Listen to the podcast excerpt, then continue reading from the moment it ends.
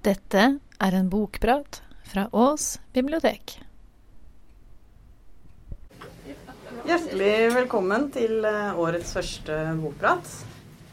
Jeg hadde kanskje ikke trodd det skulle komme så mange, så det er kjempekoselig. Eh, der har vi litt tomme for kaffe, men det er satt på mer, så det går an å få seg en kaffekopp etter bokpraten nå. Hører dere meg greit, eller? Ja. Så bra. Vi syns det er veldig hyggelig å være i gang igjen. Jeg er førstemann ut. Eh, jeg skal eh, gjøre noe jeg egentlig ikke pleier, og det er å snakke om en bok som er veldig ny. Den boka jeg skal snakke om, den kom ut i fjor. Og den er skrevet av en forfatter som i hvert fall ikke jeg hadde lest noe særlig av tidligere. Jeg hadde vært kanskje bortpå noen essaysamlinger av forfatteren, men ikke lest noen av romanene. Eh, så jeg vil selvfølgelig prate om denne boka, for jeg syns han er innmari god. Men også litt fordi at jeg syns det er en forfatter som flere burde ta seg bryet og tida med å lese. Eh, og det er en forfatter som heter Ole Robert Sunde. Og boka heter 'Penelope er syk'. Og den er ganske ny, så det kan jo godt hende at det er noen som allerede har lest den. Den har fått strålende kritikker i mange av de store avisene. Eh, Ole Robert Sunde han har lang fartstid som, eh, som, forfatter. Han Han debuterte i 1982 med ei diktsamling som het 'Hakk i hæl'. Og siden det så har han gitt ut var det en 20- eller 30-tallsbøker, jeg husker ikke. Eh, både romaner og essaysamlinger, diktsamlinger og én barnebok. Og han er eh, en sånn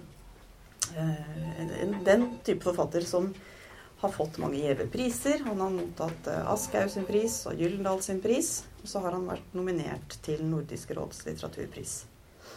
Ikke fått den, men eh, nominert. Eh, så dette her er vel en sånn forfatter som anmelderne liker å like. Men jeg syns flere burde få øynene opp for ham. Og Sunde han er født i Kristiansand. Men han bor i Oslo. Han bor på Bislett. Han bodde i Oslo i 30 år. Og i 2016 så mista han eh, kona si eh, gjennom 30 år eh, til kreften. Og tre måneder etter at hun døde, så begynte han å skrive denne boka her. 'Penelope er syk'. Eh, og veldig kort fortalt, for handlingsrammen i denne boka, så handler det om en mann som skal ut og gjøre noen ærend. Han skal ut i Thereses gate, og han skal kjøpe brød, og han skal kjøpe sushi, og han skal kjøpe snus til kona si, som ligger hjemme og er eh, veldig, veldig sjuk. Så det er på en måte utgangspunktet. Og så er boka ellers bare en sånn herlig eh, myriade av assosiasjoner og tanker og filosofiske sprang eh, som forfatteren eh, gjør seg. Og eh, tittelen på boka, 'Penelope er syk', er det jo ikke kona som, eh, som, er hjemme, som heter Penelope. Men det er sikkert flere av dere som eh, veit at Penelope, det var eh, kona til Odysseus. Odyssevs. Fra det greske eposet Odysseen, som ble nedtegna av Homer. Eh, og det handler jo om Odyssevs, da, som har vært uh, ute i krig, i trojanerkrigene, og skal reise hjem til Penelope. Eh, men eh, den hjemreisen tar jo da litt lengre tid enn det han hadde trodd. Det er jo et svært epos, dette her, og det er veldig mange som stikker eh, kjepper i hjulene for Odyssevs, så gudene annet. Og det tar han da 20 år å komme hjem til Vennelope. og jeg tror ikke det er liksom tilfeldig at tittelen da er 'Penelope er syk'. fordi selv om det er en bitte liten tur som hovedpersonen vår skal ut på, eh, sånn i realiteten kanskje på en halvtime, time, så er det eh, Den turen han tar seg inn i hodet, den kan vel omtrent føles som 20 år, vil jeg tro.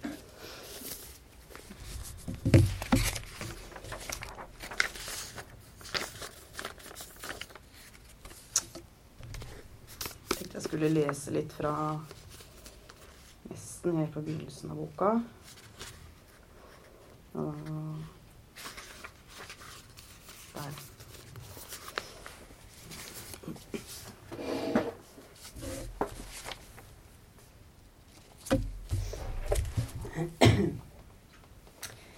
Det regnet lett, og det luktet eksos, olje og noe tredje som jeg ikke fikk tak i. Jeg skuttet meg og løp, krøp sammen i dressjakken og tenkte at jeg hadde tatt meg for lite klær, men heldigvis hadde jeg surret et skjerf rundt halsen. Jeg snudde meg mot porten som var på vei til å slå igjen, og kjente raskt etter med den høyre håndens fingertupper i det skjulte om jeg hadde husket å lukke buksesmekken. Det er jo noe som gamle menn ofte glemmer, har jeg blitt fortalt etter morgenritualet på toalettet. Den var lukket, og jeg snudde meg akkurat idet porten slo igjen med et lite smell. Jeg kikket litt opp til høyre, ettersom jeg tenkte å gå over veien, diagonalt mot antikvariatet, for å se etter hva som sto utstilt i vinduet, og hva antikvariatet hadde i tikronersbokhyllene på utsiden av butikken. Jeg stakk begge hendene i bukselommene og stirret på en liten vannpytt. Noe av himmelen over meg var reflektert i pytten. Så ble hinnen utydelig, og jeg kjente at det ristet under meg. Uten at jeg hørte verken noen trikk eller buss. Ikke engang en varebil. Gata var tom for biler, og jeg hørte at noen ropte. Det rant skittent vann fra de fylte blomsterpottene, som sto i hver sin rekke på begge sidene av gata, mot hvert sitt fortau for å hindre at biler skulle parkere der. Det var røsling i pottene, og et sted hadde jeg lest at dette var vår nasjonalblomst. Jeg løftet blikket og glante mot et av vinduene i antikvariatet. Jeg var nysgjerrig på en av Nansens bøker, som jeg hadde spurt etter, og som eieren av butikken rett som det var hadde inne, han hadde fortalt meg, og det var på ski over Grønland. Jeg hadde nettopp lest Amundsens bok om Sydpolekspedisjonen og ville gjerne lese mer av Nansen. Jeg hadde hans trebindsverk med den litt pompøse tittelen 'Nansens taler'. Men der var det også en interessant kvasivitenskapelig tale om ski, skismøring og snøens ulike beskaffenheter, som han da hadde prøvd ut i den norske fjellheimen før han spente på seg sine ski, og ski gikk over Grønland. Da jeg skulle til å skritte ut i gaten, mellom to blomsterpotter som minnet mer om tønnegriller enn potter, hadde trafikken tatt seg opp, så jeg måtte vente, ikke uten å tenke på is, snø og konstant motvind og 40 minusgrader, og hvordan disse nivale typene orket det. Men da slapp de å få problemer med nervene, våkenetter og store depresjoner. Alt det slapp de. Det var som å synge i et kor, hadde min datter sagt. Eller det å være fotballtilhenger og brøle for harde livet i det øyeblikket ditt lag skåret, eller å bli oppløst i tårer når de tapte. Jeg hutret og tenkte at å bli fysisk sliten måtte være bra for de som hadde mye energi. Noen åpnet et vindu bak meg, slik at jeg fikk lyst til å snu meg. Det skulle jeg ha gjort, men jeg gikk over gata, og halvveis over på den andre siden så jeg litt høyere oppe at Oslo-kyklopen var på vei nedover på det samme fortauet som jeg var på vei mot. Herregud, tenkte jeg og fikk lyst til å snu, for akkurat henne hadde jeg ikke lyst til å møte. Og jeg tenkte på en bok av den ungarske forfatteren Imre Kertes. den het 'Fiasko', og begynner med å beskrive den gamle som er forfatter i Budapest, og som bor i en trang, kommunistisk toroms leilighet med en nabo over seg. En kvinnelig kyklop, eller som det står, om jeg husker rett, Oglytz, som den gamle forfatteren kalte henne. Og med etterslengen 'Vesenet uten stillhet'. Flott navn, tenkte jeg. Oglytz. Den gamles manus ble avvist av de kommunistiske forlagene i Ungarn, så han føler seg fanget og dobbelt fanget pga. sin nabo etasjen over, som bråker så mye at han ikke greier å tenke. Oslo-kyklopen var ikke min nabo, så der kjente jeg meg ikke hjemme. Men navnet passet, tenkte jeg. Oglytz. Imre Kertes, om ikke den gamles stil, hans ikke-kommunistiske stil, hans ungarske stil, passet ikke ettersom den var svært snirklete og dessuten skrapte den på, ungarsk, på den ungarske skinnleggen pga. krigen, og den ungarske forfatteren, som var jøde, ble et offer for den ungarske hitlerismen, og som 16-åring ble han internert i en tysk konsentrasjonsleir i Polen. Oslo-kyklopen kjente jeg etter en fest i nabolaget. Hun var lokalpolitiker. Det var Frp som var hennes parti. Hun siterte ofte Marx, uten at hun hadde lest et ord av ham. Som hun sa selv, vår Oglytz. Hun hadde til og med bodd hun til og med bodde på Adamstuen, dit jeg var på vei for å kjøpe sushi og brød. Jeg hilste på henne avmålt, men høflig før jeg gikk rett bort til antikvariatet for å se inn i vinduene og på tikronerskyllene. Hun gikk etter meg. Det klapret fra skoene hennes. Det var et par kraftige, høyhælte pumps. Er det ikke det det heter? De var knall røde. De skulle heller vært mørkeblå. Hun stilte seg rett bak meg. Hun hadde på seg en kåpe. Den var klarblå. Så stilte hun seg ved siden av meg og pekte mot en bok som lå på vindusplassen. Det var Nansens 'På ski over Grønland'. Det så ut som en førsteutgave. Den ville jeg spørre om, ettersom jeg hadde en avtale med antikvariatets eier om å bytte mine bøker mot hans. Er du jøde? spurte Oslo-kyklopen. Hvorfor spør du? spurte jeg. Du ser ut som en jøde. Nesegreve, fortsatte hun. og nikket mot mitt fjes før hun pekte mot boken til Nansen og sa Vår siste stamme, hvor har det blitt av resten? Den gangen vårt fedreland var et riktig kongerike. Da mener du før Nansen? Jo visst, før 400-årsnatten under apekatten. Jøss, sa jeg. Ikke sant, sa hun. Jeg er ikke dum fordi jeg stemmer på Frp. Så smisket jeg og angret med en gang. Og så med de tøffe skoene, da, sa jeg. Ikke sant, sa hun. Og glyts, sa jeg inni meg, og fikk med en gang lyst til å si det høyt.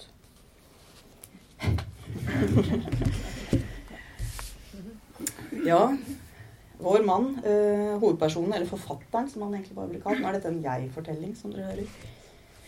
Han, eh, han, går jo liksom rundt der gatelangs og hilser på de han kjenner igjen, og prøver å unngå de han kjenner igjen, men ikke liker. Eh, men dere, dere, hører hva som skjer her når jeg leser, ikke sant? Det er, dette er en bok hvor det godt kan gå en, en halv side uten punktum. Så det er eh, assosiasjoner, assosiasjoner eh, og assosiasjoner hele veien. Så han flyter sånn rundt. Eh, og det kan høres litt sånn anmasende når jeg leser det høyt, men jeg lover dere at når dere leser det, så er det eh, veldig, veldig behagelig. Eh, og utgangspunktet til Sunde det er nesten så å si alltid selvbiografisk. Og det selvbiografiske materialet det kombineres, som dere hører her kanskje, med det eh, er jo ikke så mye i dette avsnittet. Men ofte med refleksjoner fra historisk eh, stoff. Gjerne fra antikken. Filosofi, kunst og musikk. Og formen, skrivemåten, kjennetegnes av lange setninger. Ole Robert Sunde han er også en eh, modernist. Så for en del år tilbake så ga han ut en bok Står det stille hva den heter? Den var på 400 sider, og den hadde ikke punktum. Og det ble sånn ikke like godt mottatt da, av alle kritikerne. Selv om jeg sa at han er en kritikeryndling, så denne boka var det ikke alle som hadde sansen for. Men er det så smalt som noen skal ha det til? Er det så lite tilgjengelig? Eh, jeg syns kanskje ikke det, men så er sikkert ikke denne boka blant eh, de mest eh, vanskelige. Det tror jeg ikke den er. Eh, forfatteren skriver veldig levende, og det er veldig veldig morsomt å følge ham. Men du må godta premissene, og du må være med på tankeferden. Eh, og en anmelder skrev om denne boka her at når den, først, når den først har sluppet leseren inn, så slipper den ikke taket. Det er jo blitt en klisjé, ikke sant? men det, det stemmer veldig med denne boka her. Han skriver også at det er en veldig fortvilet bok en veldig klok bok og en veldig vakker bok. Fordi dette er eh, først og fremst en bok om eh, eh, sorgen over den uforløste sorgen. Altså, han går og venter på at kona skal dø. Men den syke kona i boka, det, hun, det, det, står ikke så veldig mye om henne. Og første gang hun blir omtalt, så er det veldig sånn kort og helt sånn innskutt. Og Nei, det, det, står egentlig ganske lite. Men for hver gang vi hører om den syke kona som, som sitter hjemme og venter, så, blir tekst, altså, så er tekstavsnittet litt lengre. Og glimten er litt mer levende. Vi får litt mer å gå på. Og det er jo også et sånt fint virkemiddel å bruke for å vise at det er for vondt til å tenke på. ikke sant? Så man eh, gjør helst ikke det.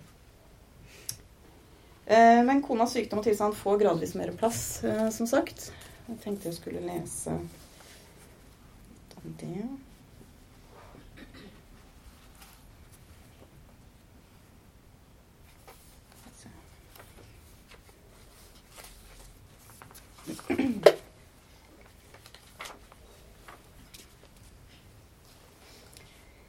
Jeg kunne ikke slutte å tenke på hun som lå hjemme på sofaen og var full av medisiner og full av angst, og at ikke det var noe jeg kunne gjøre annet enn å handle for oss begge.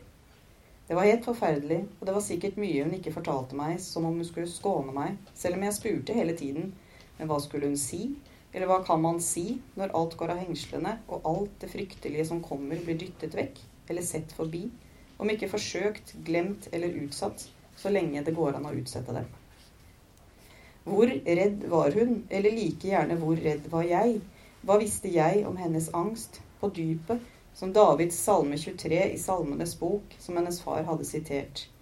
Meg fattes intet. Dessverre nyoversatt til 'Jeg mangler ingenting'. Hva tenkte hun, uten at jeg visste hvor mye det sleit på henne å være livredd? Hvorfor, hvorfor, hva kunne jeg si annet enn at jeg trodde hun skulle komme gjennom det og bli frisk? Så enkelt, ikke helt. Hun tenkte selvfølgelig Jeg tenkte selvfølgelig på hva hun sleit med. Men på dypet, hva visste jeg hva hun holdt på med på sitt dyp? Visste jeg det, eller hadde jeg tenkt på at hun var livredd? Og jeg tenkte igjen på Davids salme. Herren er min hyrde, meg fattes intet. Han skal følge meg gjennom dødsskyggenes dal. Var hun der nå i tankene? Hjemme på sofaen, full av smerter og full av ren angst. Ja, for å dø. Rett og slett for å dø. Det visste jeg ikke, men det skulle ikke forundre meg om hun nå var i slike tanker der, alene, uten meg. Da burde jeg få opp farten.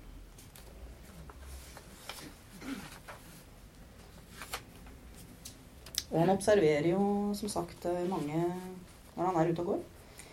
Eh, blant annet ei høygravid dame som driver og vralter seg av gårde på andre siden av gata der han går. Og da begynner tankene Han har tre barn. De har tre barn sammen. Eh, så da begynner han å tenke tilbake på, på et av barnas eh, fødsel. Den høygravide damen på det andre fortauet på vei opp Stensgata vraltet, og jeg kunne se at det var tungt for henne å gå. Kanskje hun skulle ha tvillinger, hun gikk med ryggsekk, sikkert for å få armene frie. Magen sto rett ut, eller den hang faktisk litt ned, fosteret på vei, som det heter, til å feste seg. Hvem velger ut om det er tvillinger? Den som kommer først. Og min datter, det ble en jente, brukte lang tid på å bli født. Selv om min kone var tredjegangsfødende. Ja, da pleier det å gå fortere. Eh, det var som om hun ble sittende fast. Så litt av hodet, med tjafse og vått hår, stakk frem mellom de ytre skamleppene. Jordmoren hadde satt på en liten mikrofon. Nei, ikke mikrofon, men noe som talte hjerteslagene. Som viste hjertefrekvensen på en monitor.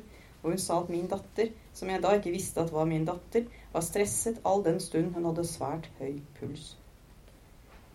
Min kone begynte å miste riene. Hun trakk pusten for å presse ut vår datter. Jeg kunne se lårene hennes dirret. Hun var rød og svett i ansiktet, og jeg hvisket svakt. Gjør det vondt? Hva tror du? kom det kjapt tilbake. Så kom jordmoren med en saks og hadde plassert et fat mellom hennes skjelvende lår. Jordmoren bøyde seg fram med saksen, og jeg kunne høre det grusomme klippet i kjøttet på skrå. Det så jeg i tilfelle hun skulle få totalruptur. Hun ynket seg, og jeg strøk henne over håret og kunne høre at blodet rant ned et fat. Og da elsket jeg henne overalt.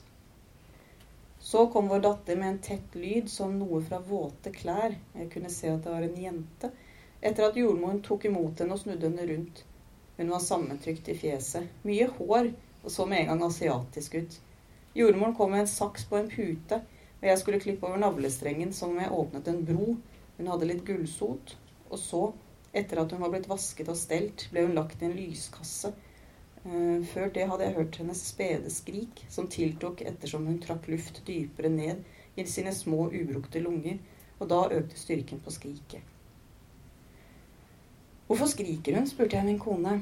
Hun er sikkert sulten, og så skal du amme henne. Selvfølgelig, sa hun, og ventet i sykesengen etter å ha blitt stelt og sydd, og etter å ha fått en kopp te og en brødskive.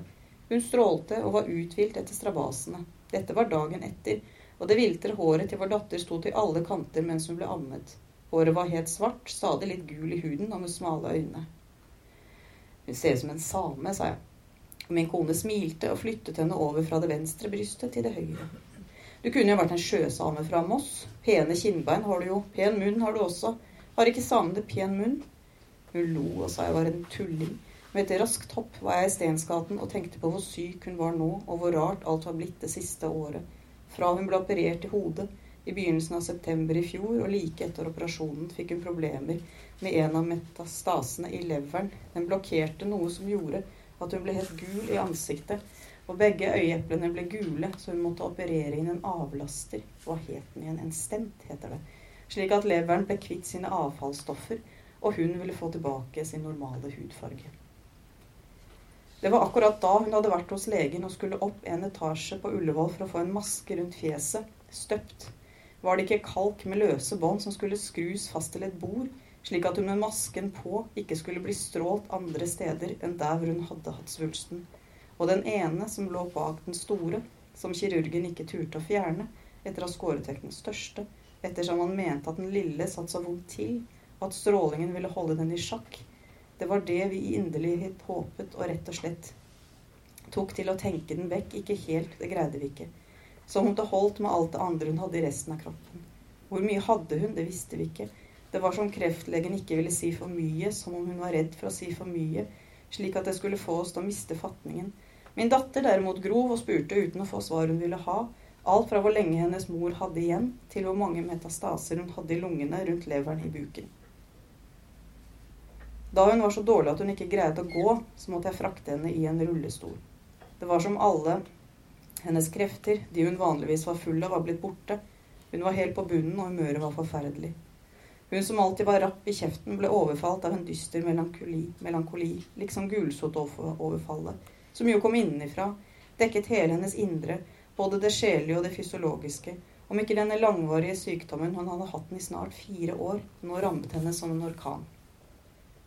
Men orkanen la seg, og hun tilfrisknet, gulsoten ble borte, og ettersom stenten hjalp, men strålingen av hodet gjorde at hun fikk en rar smak i munnen, hun sa, at hun, hun sa at alt hun tok i sin munn, smakte metallisk. Så kiloene rant av henne, og pillene hun tok, de med kortison, gjorde at hun mistet fettet i muskelmassen. Hun ble mager, utdratt, og med den lille hårløse skallen så hun ut som det hun var. Og der vi hadde begynt å vanke, holdt jeg på å si, kreftsenteret, var det mange som henne, og de så ut som de var i slekt, en rar stamme, leptosome, magre, skallede, en svært syk kreftpasient.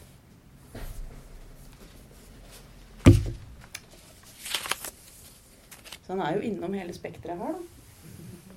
Begynnelsen på livet og slutten på livet. Og forgjengeligheten. Um, Ole Robert Sunde har sagt at hvis ikke han hadde skrevet denne boka, så hadde han nok eh, gått under. Han hadde funnet på en annen løsning, drukket seg i hjel. Så dette har vært hans måte å uh, komme seg, om ikke gjennom, så et bidrag til å komme seg gjennom den sorgen på. Da. Så det er en veldig, er en veldig sterk bok, altså vil absolutt anbefale den til eh, alle som en døråpner inn i eh, Sunde sitt eh, forfatterskap. Takk for meg.